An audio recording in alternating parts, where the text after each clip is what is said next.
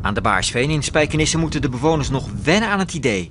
Toch is er enthousiasme om ook dit stukje grond zelf te onderhouden. Oh ja hoor, dat vind ik helemaal niet erg. Ja. Een paar leuke plantjes erin, de boompjes erin.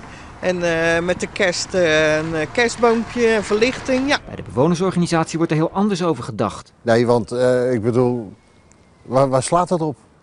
Hè? eh, Het, het waren mooie, mooie plantenbakken. Maar met de bestrating hebben ze dus eh, dat allemaal veranderd. De wethouder gelooft in eigen verantwoordelijkheid en zet de plannen om de bewoners zelf te laten schoffelen door. Het is gewoon een, eh, een betrokkenheid eh, van de buurt eh, bij je eigen omgeving. En dat, Gaat dat lukken?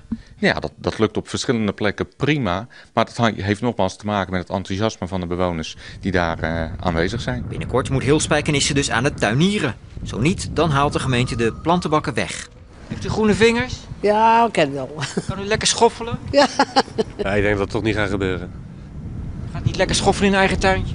Nee, daar heb ik veel te weinig tijd voor. Ik kijk, oh, waarvoor moet ik het onderhouden? Ik betaal al genoeg aan de gemeente. Eh, Ik woon vlakbij de Maasboulevard en daar staan naar plantenbakken, ja. Moet u zelf van onderhouden, hè?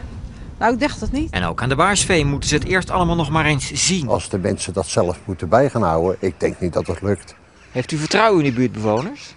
Ik heb wel vertrouwen in de buurtbewoners. Ja, Dat zeker, moet het toch wel. lukken? zeker wel. Ja.